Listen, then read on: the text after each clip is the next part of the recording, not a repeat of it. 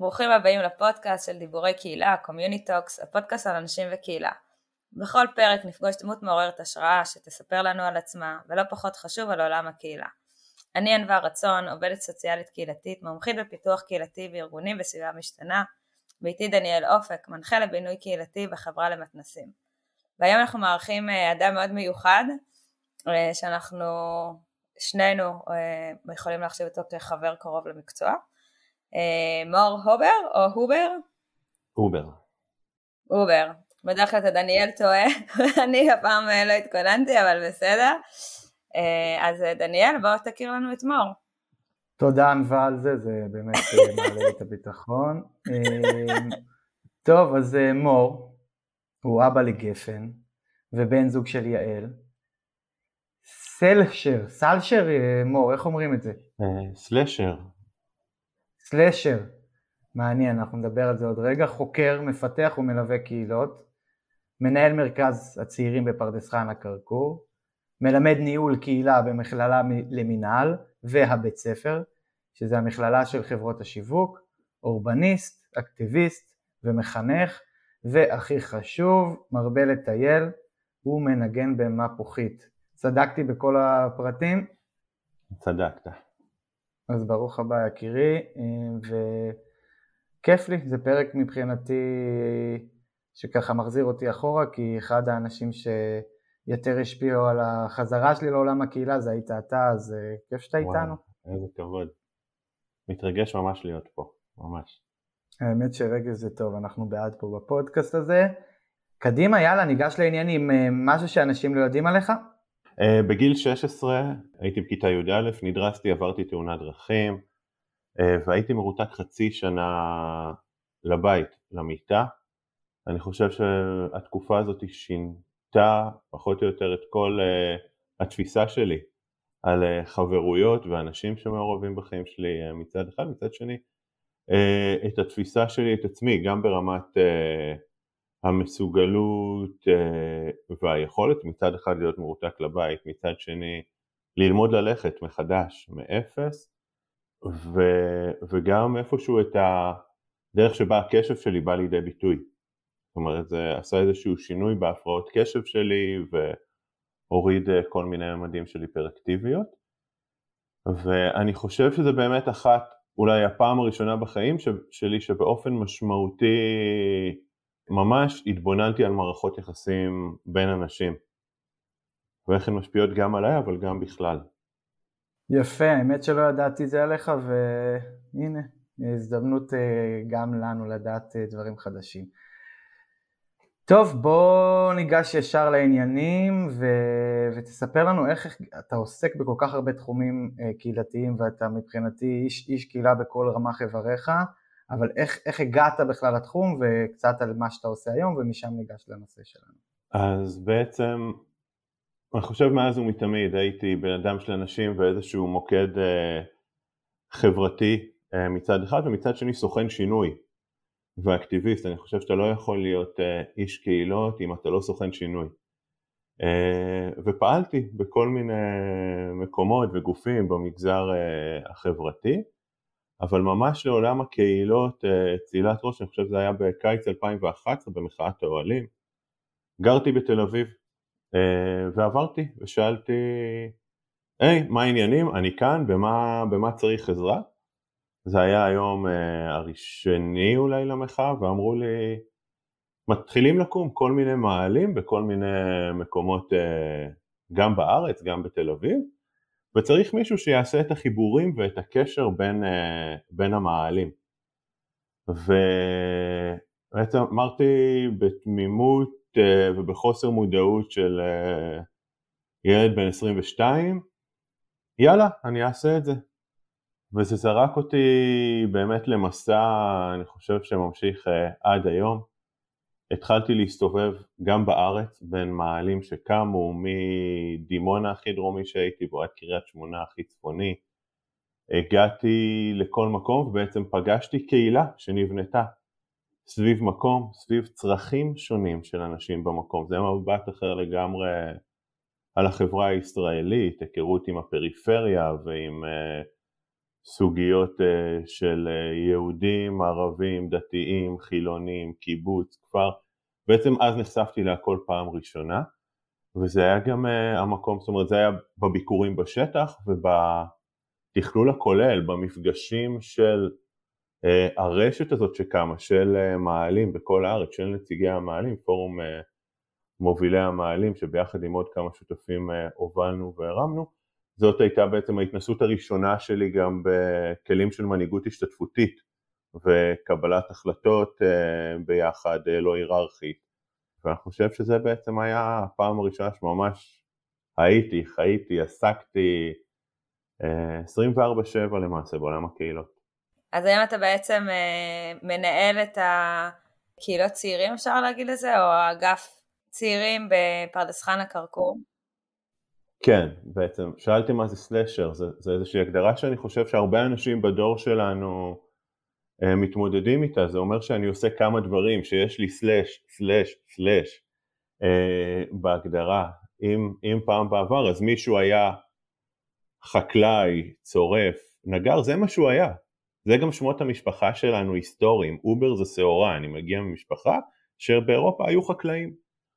והיום בעצם אז אני, אני גם אבא ובן זוג, ואני גם uh, מנהל את מרכזי הצעירים של פרדס חנה, סלאש, ואני גם uh, מורה לפיתוח ובינוי קהילה, ואני גם יועץ עצמאי uh, לתחומים האלה, ואני גם עוד כל, עוד כל מיני דברים, וכולם חלק גם מההגדרה העצמית שלי, uh, וגם טייטלים מקצועיים שאני פעיל בהם. ועיקר העבודה בעצם, המסה העיקרית זה הניהול של תחום הצעירים בפרדס חנה כרכור. אני חושב שזה מאוד מאפיין גם את דור ה-Y, שאני ואתה חלק ממנו, והיום עוד יותר את דור ה-Z, שאולי אתה קצת יותר קורץ לשם בהקשר הזה של אה, לא להסתכל עליך כמשהו אחד, אלא כמו שאמרת את הסלשר, אהבתי את ההגדרה הזאת, היא יפה בעיניי, ואני חושב שכל מי שעוסק בקהילות, רואים את זה לא מעט שהוא הוא תזזיתי, קשה, קשה לו להיות רק באיזשהו מקום אחד והוא רואה את עצמו בהרבה דברים וזה, וזה מדהים בעיניי שאתה מצליח לשלב את כל העולמות האלה אז אמ, זהו, היה לי חשוב להגיד את זה. אמ, אז בעצם אה, כמו שאמרת אתה מנהל היום את קהילות הצעירים, אה, את, ה, את תחום הצעירים בפרדס חנה כרכור ואני חייבת להגיד שבשנים האחרונות ממש רואים שיפט אה, בכלל בעיר אה, מושבה, אני לא יודעת איך תרצו שתקראו לכם, כי אני יודעת שיש איזשהו אישו שם. אני אשמח אם תוכל כזה אה, קצת לשתף אותנו באמת בטרנספורמציה שפרדס חנה קורקור עושה לטובת הצעירים. כי מוקמים שם המון אה, מתחמים לצעירים, ואני רואה שגם אתה עושה המון placemaking באזור, עם הרבה חשיבה על התחום הזה. אז אם תוכל קצת להרחיב על, קצת על העשייה שלכם. אז שנייה אני אדבר, אני חושב נתחיל כזה מלמעלה ו, אה, ונרד, כי תחום, תחום הצעירים זה לא תחום שהוא, תחומים שאנחנו רגילים להגיד להתעסק של אוכלוסייה מאוד מוגדרת. אה, תחום הצי, הצעירים מדבר על אוכלוסייה מגיל 18 עד גיל 35 שהיא גם מאוד אה, רחבה, אפילו שני דורות, גם דור ה-Y, גם דור ה-Z, אפילו כזה הקצה העליון של דור האלפא. וגם uh, התחומי עיסוק שנוגעים בהם הם רחבים. עכשיו, למה בכלל צריך, צריך את כל הדבר הזה? זה גם מה שנראה לי חשוב להתייחס אליו. בעצם פעם מישהו יצא, ההורים שלי למשל, זה הכי קל לחזור להורים שלי, יצאו לחיים הבוגרים בגיל, שמונה, בגיל 18, התגייסו לצבא, השתחררו לצבא, מהצבא, נכנסו לעבודה, למדו מהר מאוד מה נדרש מהם מבחינת uh, להיות אנשים מבוגרים, וחיו, כאילו, ומה אז חיו? עבודה, משכנתה, חתונה, ילדים, טה טה טה טה טה טה, כל המרוץ הזה היה מאוד מהיר. והיום בגלל המון סיבות שחלקן קשורות לחינוך וחלקן קשורות לתעסוקה וחלקן קשורות לטכנולוגיה וחלקן קשורות ל... אה, למאפיינים אה, הוריים שהשתנו וחלקם כלכליות, התקופה הזאת של יציאה לחיים הבוגרים הולכת ונמתחת. היא הולכת ונמתחת והיום מדברים בעצם על גיל התבגרות מאוחר שנמשך עד אזור גילאי 30, 35, זה תחום שמתעסקים בו הרבה, זאת אומרת גם, גם סרטים, גם סדרות שיצאו בשנים האחרונות, שאנשים נשארים בבית ולא יוצאים מבית, אה, מבית ההורים, בתוך התקופה הזאת בעצם זיהו אה, גלובלית, לא רק בישראל, שיש צורך בעוד מעטפת. זאת אומרת בואו ניקח מקרה ש... שילד בכיתה ד'-ה', נגיד אימא שלו נפטרה, אה, לא, לא עלינו, טפו, אבל, אבל קרה לו משהו, אז יש לו מעטפת, יש לו מעטפת של מורה וביקור סדיר ורווחה והמדריך שלו בחוגים ורואים אותו. מישהו בגיל, בגיל 16 שאני נדרסתי, אז דיבר איתי המחנך שלי והמנהל מבית ספר ופיזיותרפיה והורים שראו אותי וגם להורים שלי דיברו איתם. זאת אומרת היה מי שראה, היו עיניים ששאלו רגע מה קורה? מה, מה קורה פה רגשית, מה קורה פה התפתחותית? ו... אבל אם זה קורה לבחור בן 21 אם הייתי נדרש, אף אחד לא היה רואה אותי. עכשיו אף אחד לא היה רואה אותי, אף אחד לא היה יודע מה קורה איתי, אף אחד לא היה שואל אותי מה אני צריך. אז מצד אחד יש פתאום איזה בום שברגע שהשתחררנו מהצבא אף אחד לא רואה אותנו, ומצד שני יש לנו מלא מה ללמוד במאפיינים אה, אישיותיים, פסיכולוגיים, שהם, שהם מזכירים טיפה את גיל ההתבגרות, אבל ו, ו, ותוך כדי זה שאני נמצא באיזשהו גיל התבגרות מאוחר אני צריך להבין מה קורה איתי מבחינת התפתחות קריירה, איך אני מתנהל כלכלית, איך אני יוצא לכי, מייצר מערכות יחסים חדשות. בעצם, השחרור מהצבא טורף את כל המערכות יחסים אה, שהיו לנו, ו, וזה משהו שיש בו גם, אה, גם הרבה בושה, זאת אומרת זה, זה השתקה, זה לא משהו שמדברים עליו, אין חינוך פיננסי, אין חינוך לאיך להיות מבוגר, אה, וזה גם משהו שיש בו הרבה מאוד בדידות, ובמקור מרכזי הצעירים באים לבוא ולהגיד אנחנו כאן בשביל אוכלוסייה שבעצם יוצאת לחיים הבוגרים ומתמודדת עם כל מיני צמתי בחירה והחלטה שהולכים להשפיע על החיים שלהם מעכשיו קדימה ו... ואנחנו כאן כדי לתת איזושהי מעטפת, איזשהו סיוע, איזושהי עזרה, כל אחד לפי מה שהוא צריך, כל אחד אה, לפי, מה שהוא, לפי מה שהוא מבקש ומתוך מחשבה לא של רווחה, לא של תמיכה באוכלוסייה נזקקת, אלא תפיסת מטרה של הון אנושי. בעצם זה ה- היום מי שבין 20, 25, 30, 35, זה ההון האנושי העתידי של המדינה שלנו. ובעצם הם באים להשקיע בהון האנושי הנוכחי, היצרני והעתידי, גם של היישוב וגם של המדינה, וזו בגדול המטרה של מרכזי הצעירים באופן כללי. מי בעצם השותפים של מרכזי הצעירים? זה משרד הרווחה? בעצם משרד הצ... מרכזי הצעירים אין להם איזשהו גורם מתכלל אחד, זאת אומרת זה לא איזושהי הגדרה, יש הגדרה סטטוטורית בשלטון המקומי למי הם מרכזי הצעירים, אבל אין, אין גורם מתכלל אחד ארצי. עכשיו, יש שותפים גם במשרד הרווחה ויש תוכניות של עו"ס צעירים שתופסות עד גיל 26-7, ומשרד הביטחון נותן ליווי מאוד יפה והדוק למשתחררים עד חמש שנים מהשחרור, גם לשירות צבאי, גם לשירות לאומי. אה, המשרד לשוויון חברתי, יש בו מנהלת צעירים שתומכת כמעט בכל מרכזי הצעירים בארץ אה, בצורה כלכלית, בעיקר סביב תחומים של פיתוח אקטיביזם ומעורבות חברתית. יש תוכניות של המשרד לפיתוח הנגב והגליל שמתעסקות גם עם נושאים דמוגרפיים והגירה למרכז והשארת אה, צעירים בפריפריה. יש תוכניות תעסוקה של משרד התעסוקה, גם תעסוקת צעירים אה, כללית וגם תעסוקת צעירים אה, בהקשר של אוכלוסיות.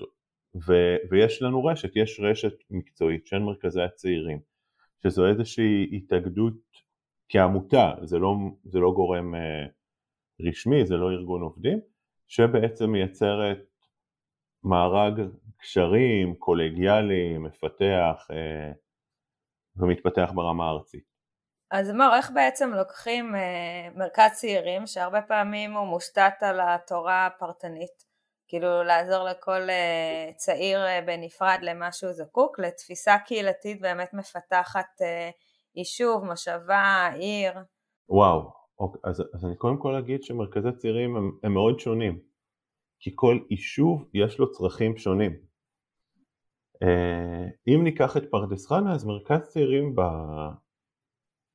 בהגדרה שלו מבחינת צרכים וגם מבחינת הדברים שבסופו של יום אני מביא לשולחן, הוא לא, הוא לא קהילתי, הוא לא מרכז שבא לפתח קהילה צעירה, כי פרדס חנה זה יישוב שהוא באופי שלו מאוד קהילתי. זאת אומרת הקהילתיות קיימת. ואין ערך מוסף, יש ערך מוסף כמובן, אבל הערך המוסף שאני עכשיו, אה, מור רובר יבוא ויבנה קהילות צעירים ובזה יושקעו הכספים אה, של המועצה אה, ביישוב בפיתוח קהילה, זה לאו דווקא הדרך הנכונה, בטח שפרדס חנה יישוב שבעבורו היה מעברה ויש בו אוכלוסיות קשות יום ויש צורך הרבה יותר בהשקעה בתחומים של מוביליות חברתית ופיתוח של הזדמנויות אה, יצירה וצמיחה לצעירים, אבל אה, אמרנו כבר, אה, אמרתי כבר שאני סלשר. עכשיו, התפיסה לכל מקום וכל דבר שאני עושה בחיים היא תפיסה קהילתית. ו- ואני באמת מאמין, זאת אומרת, הקו המנחה בחיים שלי, גם בתור אקטיביסט, שכל בן אדם בבסיס צריך לקחת אחריות על החיים שלו, והדרך הכי טובה לקחת אחריות על החיים היא לעשות את זה ביחד, עם עוד אנשים. אז למשל, ו- ואז אני בתור מנהל מרכז מהרגע שנכנס לתפקיד שואל את עצמי איך אני מייצר מרחבים קהילתיים שיאפשרו לחולל שינוי וצמיחה. אה, גם ברמה האישית עבור אנשים שלוקחים בהם חלק וגם ברמה היישובית.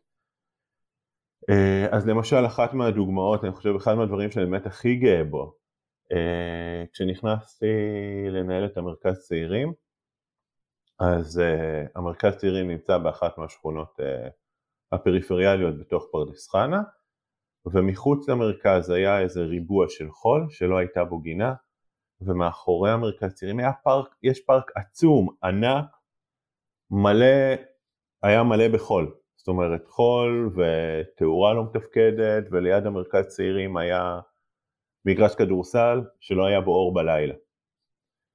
ו...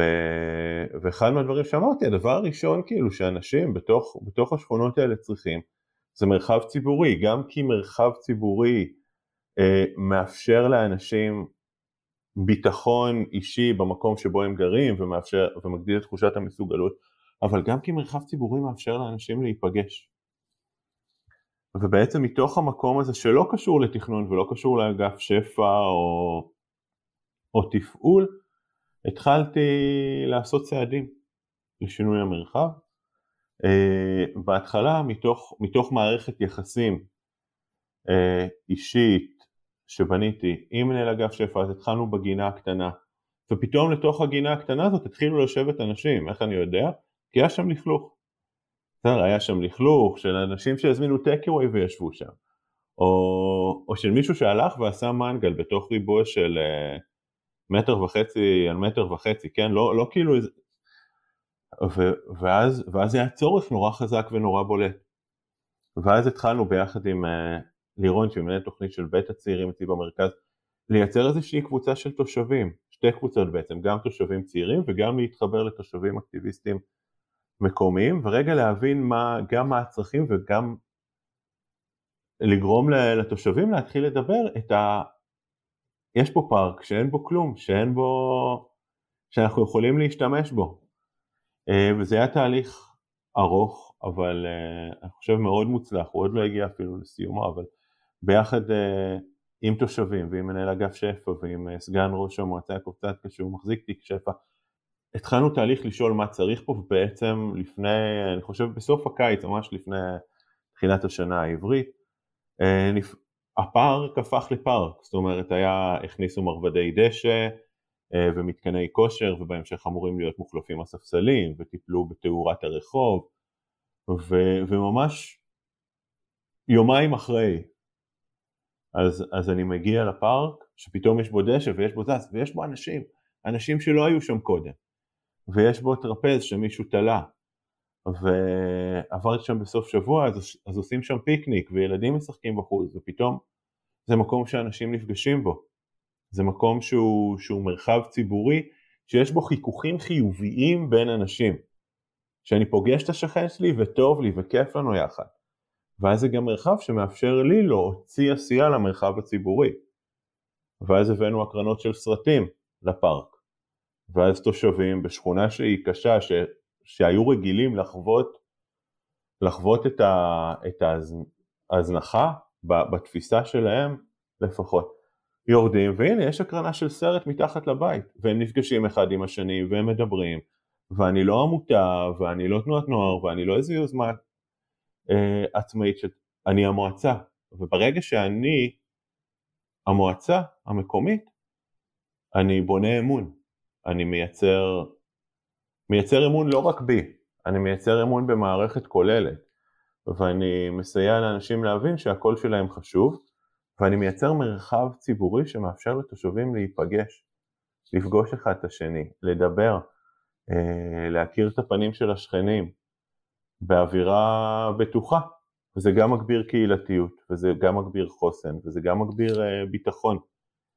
חושב שפרט ללעשות את העבודה שלי זה, זה גם התפקיד שלי, בתור לעשות את העבודה הרשמית, כן, של תעסוקה והשכלה אה, ודברים כאלה. גם בתור תושב של המקום, אה, גם בתור איש קהיות וגם בתור אקטיביסט שלקח על עצמו את האחריות לעבוד בתוך הרשות המקומית שבה הוא חי. טוב, יש לי מלא מה להגיד, אבל אה, מאוד מאוד אהבתי את ההקבלה הזאת שלפעמים אה, ברגע שיש תפיסה קהילתית, אז זה לא משנה מה אתה עושה ואיפה אתה פועל ובאיזה זירות ואיזה תחומים גם יושבים אצלך, אנחנו רואים את זה הרבה במרכזים קהילתיים, שפתאום יש מעון. זאת אומרת, מה הקשר בין מרכז קהילתי למעון, אבל ברגע ש... אה, לוקחים ומנהלים אותו מתוך מקום אה, ותפיסה קהילתית, אז אה, זה נראה אחרת, אני חושב שזה גם משהו שאתה עשית במרכז צעירים אצלך, אני רואה כי אני עוקב, ואפרופו הדוגמה שנתנת, זה בדיוק הדוגמה לאיך אפשר להתייחס אפילו למרחב הציבורי, שהרבה פעמים מתייחסים אליו ברמה הטכנית, ברמה מאוד של כן יהיה תאורה, לא יהיה תאורה, כן משחיתים, לא משחיתים, ואתה ראית את זה כאיזשהו מרחב, ו... וזה מדהים בעיניי. אני אגיד שיוצא לי לעבוד עם לא מעט מרכזי צעירים, ובכלל כל תחום הצעירים מאוד מעניין אותי היום, כי אנחנו, אתה מכיר את זה, גם רוב המאזינים כבר מכירים את זה, שבחברה המדסים אנחנו בעצם אה, היום מפעילים את מדד הקהילתיות. מדד הקהילתיות אנחנו רואים שהאוכלוסייה שהקהילתיות בה הכי נמוכה היא הצעירים. ובהתחלה אמרתי, זה משהו שחייבים לשנות, ואז נכנסתי קצת לשאלות, וקצת הבנתי אה, יותר מה זה עולם הצעירים, והבנתי שגם יש פה יש עניין שצעירים זה פחות מעניין אותם, לפחות צעירים עד גיל 30 נגיד, שיש להם משפחה צעירה, ובאמת הם במקום קצת יותר של פיתוח אישי ושל אמ, בעצם לתת להם את הכלים לחיים נקרא לזה ככה, אה, ורק בעתיד, כאשר אה, מבינים איפה הם רוצים לחיות ומשפחות, אז באמת הסיפור הזה של קהילתיות מתרחב. אני, אני לא מסכים עם, ה, עם הקביעה הזאת, אני חווה מציאות אחרת, אני חווה מציאות עכשיו, אני, אני גר פרדס חנה, יש לה את כל ה... חשוב להגיד, כאילו, יש את הדימוי החיצוני, אבל פרדס חנה זה יישוב של 50 אלף איש, שגדל והתפתח אה, לאורך כמעט 100 שנה כמעברה בהתחלה, אה, ויש בו אוכלוסיות אה, גם קשות יום, וגם אוכלוסייה דתית לאומית, וגם אוכלוסייה חרדית, וגם גם את האוכלוסייה האיפית, וגם הייטקיסטים, אבל, אבל באמת יישוב, יישוב שהוא סופר מורכב. ובתוך זה לכל אוכלוסייה יש צרכים שונים, ואני חושב אבל שלכולם, לכולם, בטח לצעירים, יש צורך בקבוצת השווים שלהם. עכשיו, אם אני עסוק בקריירה, אני מחפש את הקבוצת שווים שת... ש... שמתעסקת בקריירה. אם אני עסוק ב... בפיתוח עצמי, אני מחפש להקיף אותי באנשים שיש בהם פיתוח, אה, פיתוח עצמי, אבל, אבל אני גם מתעסק במאפיינים האישותיים שלי. לפני, לפני שנה וחצי ישבתי, היה אז ממש הקורונה, הגל הראשון או הגל השני, והייתי מעורב בהפעלה של המשל"ט קורונה אצלנו וישבתי עם בחור צעיר שהתנדב ו... ודיברנו והתחלנו לדבר על, על קהילה. ו... ועל מאיפה הוא מגיע ומה הוא צריך ואז, ואז הוא אמר לי שמע מור אני, מדברים על קהילה ועל, ועל איפה אני שייך וזה, כאילו זה, זה דור של בחור באמת ש, שעושה מלא עבור הפיתוח ו, שלו, ואז הוא אומר, אתה יודע, אני, יש לי בעיה לדבר עם סבא וסבתא שלי, כי הם בקושי מדברים עברית, מדברים רק אמרית, ואני בקושי מדבר אמרית.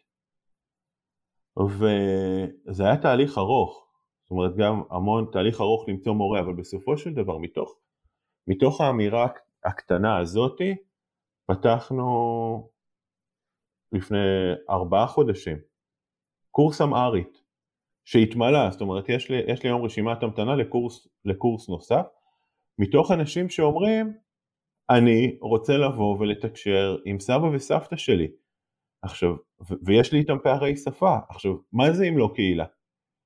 מה זה אם לא קהילתיות? ו- ו- ודווקא היום ב- במציאות הזאת שמאדירה את העצמי ואת השוני, אנשים גם שואלים מה הזהות שלי, מה המקום ממנו אני מגיע.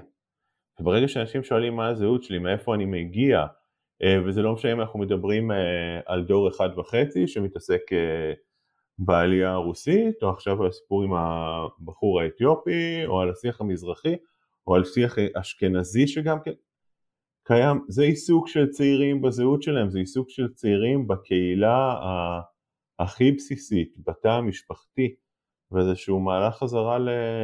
לעולם השייכות, ואני, ואני באמת חווה, חווה מהשטח את הצורך הזה של צעירים, אבל זה צורך שקשה לנו כמערכת לאתר, לזהות ולתת לו מענה, כי הוא מגוון, רחב, ומי שלא מתעסק בזה, קשה לו לקרוא לזה בשם.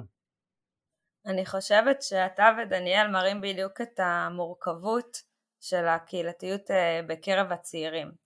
כי יש משהו בלמצוא את הקהילה שלך שזה גם אה, תהליך אה, גדילה או צמיחה או מציאת זהות כמו שאתה אומר, כדי להבין שזה יותר הקהילה הגיאוגרפית, ויש את המקום של הקהילת השתייכות, שזה יכול להיות של קבוצת שווים או או אה, עמיתים וכולי, ויש את המקום של אה, לחקור אה, את המוצא שלי, ויש שם המון המון קהילתיות, וזה מבט של הפרט. ויש את המבט של הרשות, שרשויות היום מבינות שהן צריכות להשקיע בצעירים, כי העולם הולך ומתבגר, כאילו מתבגר, מזדקן, ורשויות האינטרס שלהם הם, הוא גם למשוך אליהם צעירים, מהמון דברים, גם ממקום כלכלי, כי הם בסוף אלה שמשתמשים בשירותים וארנונה וכולי, אה, וגם ממקום של אה, אה, שיישובים, נניח היישוב שם, שההורים שלי ממנו מכוכב יאיר, הולך ומזדקן, ומנסים לחשוב כל הזמן איך אפשר לפתח אותו שהוא יהיה אטרקטיבי יותר לחבר'ה בני 30 פלוס שיחזרו עם הילדים הקטנים.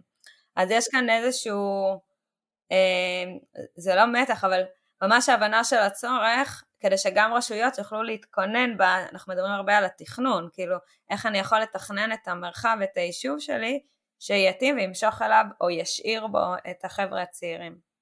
אני רק אגיד על זה שבעיניי זה, מה שמור אומר זה, זה, זה מדהים, כאילו זה, בסוף הסטטיסטיקה קשה להתווכח איתה היום, ומור אומר אנחנו צריכים להתעלם מזה רגע, ו- ולהפסיק להגיד צעירים זה אנשים שפחות רוצים קהילה או כל דבר כזה, ולהסתכל ספציפית ולהיכנס פנימה ולעומקים ולהבין למשל על קהילה כזאת מה היא צריכה וקהילה אחרת מה היא צריכה, וגם כל אחד אה, ברמה הפרטנית שלו, ו- וזה, וזה מצוין בעיניי. אני חושבת שבגלל זה בדיוק אנחנו כאן. כאילו השינוי בקונספט ובעניין של הקהילה, כאילו אנחנו כאן אה, מבחינת ההנגשה של עולם הקהילה, כי קהילה היום זה לא רק גיאוגרפי, אנחנו מדברים על זה הרבה. יש לקהילה היום המון המון אה, אה, יתרונות אה, שעוז, שעוזרות למציאת הזהות וכולי, ואנשים שעובדים עם קהילה באמת, אה, כמו שמור אומר, כאילו צריכים להתחיל לקחת את כל המורכבות שבזה והחלוקה אה, להמון סוגי קהילות להתאמה ושבן אדם יכול להשתייך להמון קהילות בו זמנית והוא לא צריך לבחור זאת הקהילה שלי ואיתה אני הולך. זה בעצם קורה כי הסיבות שלנו לקהילתיות היום השתנו. הרי מה פעם, נחזור לבסיס, הבסיס מבחינתי זה פירמידת הצרכים של מאסלו. שהיינו עוד ציידים לקטים ואחר כך בתוך uh, יישובים חקלאיים ואחר כך בתוך ערים, מה קהילה נתנה לנו? קהילה נתנה לנו הגנה וסיפוק של צרכים פיזיולוגיים אה, ותחושה של ביטחון. ואז על הבסיס של פירמידת הצרכים של מאסלו הייתה לנו את הקהילה שעזרה לנו לספק אותם, שנתנה לנו את השייכות, אבל ואז לאט לאט הגענו אחרי מלחמת העולם השנייה, איפשהו, גם, שוב אני חוזר לדור של ההורים שלי, היה לאנשים את הבסיס של הביטחון, זאת אומרת לכל בן אדם היה בית, אז אם אתה לא יכול לקנות בית אז יש לך דיור ציבורי, אם אין לך כסף לקנות אוכל אז יש לך אבטלה, אם אין לך אבטלה אז יש לך מערך אה, עמותות אה, וסיועי וארגוני צדקה שידאגו שלא תישאר רעב. יש מעט מאוד אנשים היום ש, שאין להם את הבסיס של הפירמידה. ואז ברגע שהתפתח, ש, שהבסיס של הפירמידה יציב, התחלנו להתעסק במימוש עצמי, בהגשמה, ב, בהכרה, זה, זה, זה מה שקרה, אני, גם, גם אנחנו יכולים לראות לפני 30 שנה איזה גל כאילו ספרותי שמתעסק בזה, אני חושב שהספרות מלמדת הרבה דברים על מה קורה בתרבות, אבא עשיר אבא אני, מי הזיז את הגבינה שלי, כיצד תרכוש חברים והשפעה, ממש איזשהו גל ספרות שעל על הפיתוח העצמי שמייצגת את התרבות הזה, היום הספרות היא, היא אחרת, ואז התחלנו לעשות המיקור חוץ לשייכות, מה זה אומר? סבתא כבר לא גרה בסלון, אה, סבתא אנחנו שולחים אותה לבית אבות, הילדים לא חוזרים הביתה אחרי הבית ספר, אלא הם הולכים לצהרון. למה, למה כל הדברים האלה? כי אנחנו צריכים להשקיע לא, לא רק בקטע רע, אני חושב שיש בזה הרבה נכון והרבה טוב, אבל כהורים אנשים משקיעים בהתפתחות שלהם, במימוש שלהם, בהגדלת uh, המשאבים הכלכליים גם עבור, עבור הפאן, ואז נוצר איזשהו חור כזה ב, בכל המקום הזה של השייכות, שאנחנו מבינים שהוא חסר, אנחנו מבינים היום ש, שאנחנו צריכים קהילה, לא רק צעירים, גם מבוגרים, אבל, אבל הקהילה הזאת היא כבר לא נשענת על הבסיס של פירמידת הצרכים של מאסו, היא כבר לא אומרת אני צריך קהילה כדי שיהיה לי מה לאכול וכדי שתהיה לי הגנה מ... מחיות טרף או מבנדיטים או שאני אוכל לצוד ממותה. אני, אני צריך את הקהילה הזאת כדי שאני אוכל לגדול ולצמוח כבן אדם. ו, ובסוף זה, זה מה ש... שהיום כשאנשים מחפשים קהילות זה מה שקהילות אמורות לתת, הן אמורות לאפשר לי לגדול ולצמוח כבן אדם, כפרט, כאינדיבידואל, כאישיות, ואז אנחנו רואים מלא מלא מלא סוגים של קהילות וריבוי קהילות בחיים של כל, של כל אדם כי, כי צמיחה והתפתחות אישית היא, היא הרבה יותר מורכבת והרבה יותר מגוונת מאוכל ושלא ירד עלי גשם. ונגיד שבפירמידת הצרכים של מאסלו אחד השלבים שצריך לעבוד זה הסיפור הזה של שייכות כדי להגיע למימוש עצמי ו... אמרת את זה יפה. טוב מור, אמ, אנחנו מתקרבים לסיום ובוא תיתן לנו איזשהו אה, טיפ לאנשים שעובדים עם קהילה. אז אני חושב שעבורי יש שלושה דברים בסיסיים בעבודה עם קהילה. הדבר הראשון זה לזכור של לבנות, להקים קהילה, זה תהליך ארוך, סיזיפי ולא מתגמל ברוב החלק הראשון שלו. זאת אומרת לוקח הרבה זמן עד שהקהילה מקיימת ו... וממלאת אותי. וצריך להשקיע בזה את המשאבים. Uh, הדבר השני הוא, לבנו, הוא להבין מה המרחבים שבהם הקהילה פועלת. עכשיו מרחבים שבהם הקהילה פועלת זה גם המרחב הפורמלי שבו אנחנו מתכנסים, אם זה קבוצת uh, פייסבוק ואם זה מפגש uh, שבועי קבוע של יזמים ואם זה אספת הורים בגן, ומה המרחב הבלתי פורמלי. איפה נוצרים הקשרים הבין אישיים, כי הקשרים הבין אישיים הם אלו ש... שמצמיחים לנו את ההון האנושי. ומה המשאבים המשותפים של האנשים בקהילה. והדבר השלישי שחייבים לזכור זה מסורות, להשקיע מלא במסורות ובטקסים בקהילה. כי זה גם נקודת כניסה מעולה לחברים חדשים, זה גם מאפשר לנו לחגוג הצלחות והזדמנויות, וזה גם מייצר נקודות זמן קבועות של uh, קהילתיות. אה, תודה רבה. האמת שזה שלושה טיפים, אה, נראה לי שעוד לא שמענו כל כך דניאל, אז זה כיף שיש לנו גיוון. ואנחנו ממש בשאלת הסיום, שאיך אתה רואה את עולם הקהילה עוד עשר שנים? היום עולם הקהילה הוא עולם אחד. זאת אומרת, גם בפודקאסט שלכם אתם אירחתם אנשים שעושים קהילות פנים ארגוניות, ושבונים קבוצות פייסבוק ושיתוף ציבור ומנהיגות השתתפותית ומגזר ציבורי ומגזר פרטי ועסקי והכל מהכל מהכל מהכל וכבר מבינים היום ש... שקהילה זה מדהים אבל שאותן פרקטיקות של פיתוח וניהול קהילה באות לידי ביטוי בצורה שונה באוכלוסיות שונות. ושאני עושה הקמה של קהילת בוגרים זה שונה משאני עושה קהילה פנים ארגונית בחברת הייטק וזה שונה שאני עושה קהילה אורבנית.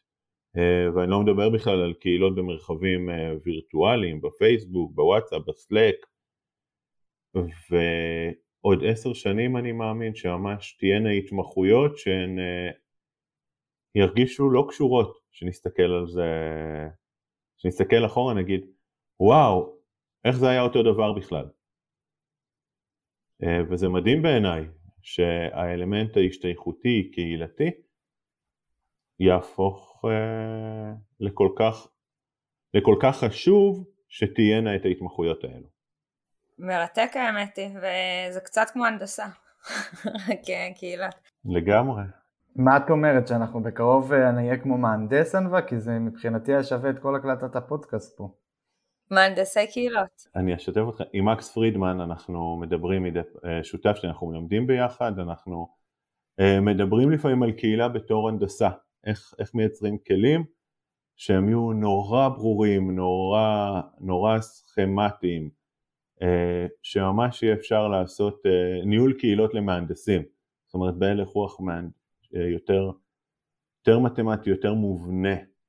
אה, ואני חושב שגם לשם עולם הקהילה בחלק מהמקומות הוא כבר שם ובהרבה מובנים אה, ילך גם לשם כמו למשל מדד הקהילתיות אה, בחברה למתנסים שמודד מספרית קהילתיות והון אנושי וביטחון ושכנות טובה.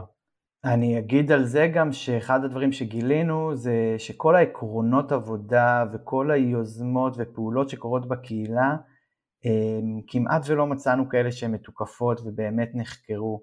וזה לדעתי לא עוד עשר שנים זה יקרה בשנתיים הקרובות או, או פחות שיקחו את כל מה שקורה ויתחילו אה, לא רק לשתף אותו, להראות אותו אלא גם אה, לעשות לו איזושהי בקרה ותיקוף ולמדוד אותו כי אה, היום שאתה עושה פעולה בקהילה קשה לך להגיד מה תהיה התוצאה ואני חושב שזה גם משהו שאנחנו הולכים אליו אה, אז אה, תודה מור. תודה לכם. טוב, הגענו לסיום. עוד שבוע יעלה פרק נוסף שלנו של דיבורי קהילה. מוזמנים להפיץ את הפודקאסט, לכתוב לנו, אה, להגיד לנו מה בא לכם לשמוע, אם תרצו לראיין. בקיצור, להציק לנו חופשי. יש לנו גם ערוץ שנקרא דיבורי קהילה, ערוץ בטלגרם, שאנחנו מעלים שם תכנים אה, שקשורים לעולם הקהילה, וגם דברים שקשורים לפודקאסט, תצטרפו, שווה ביותר. ערוץ יוטיוב שאני מרבה לספר עליו, אז uh, תיכנסו ככה ותעקבו אה, אחרינו גם שם.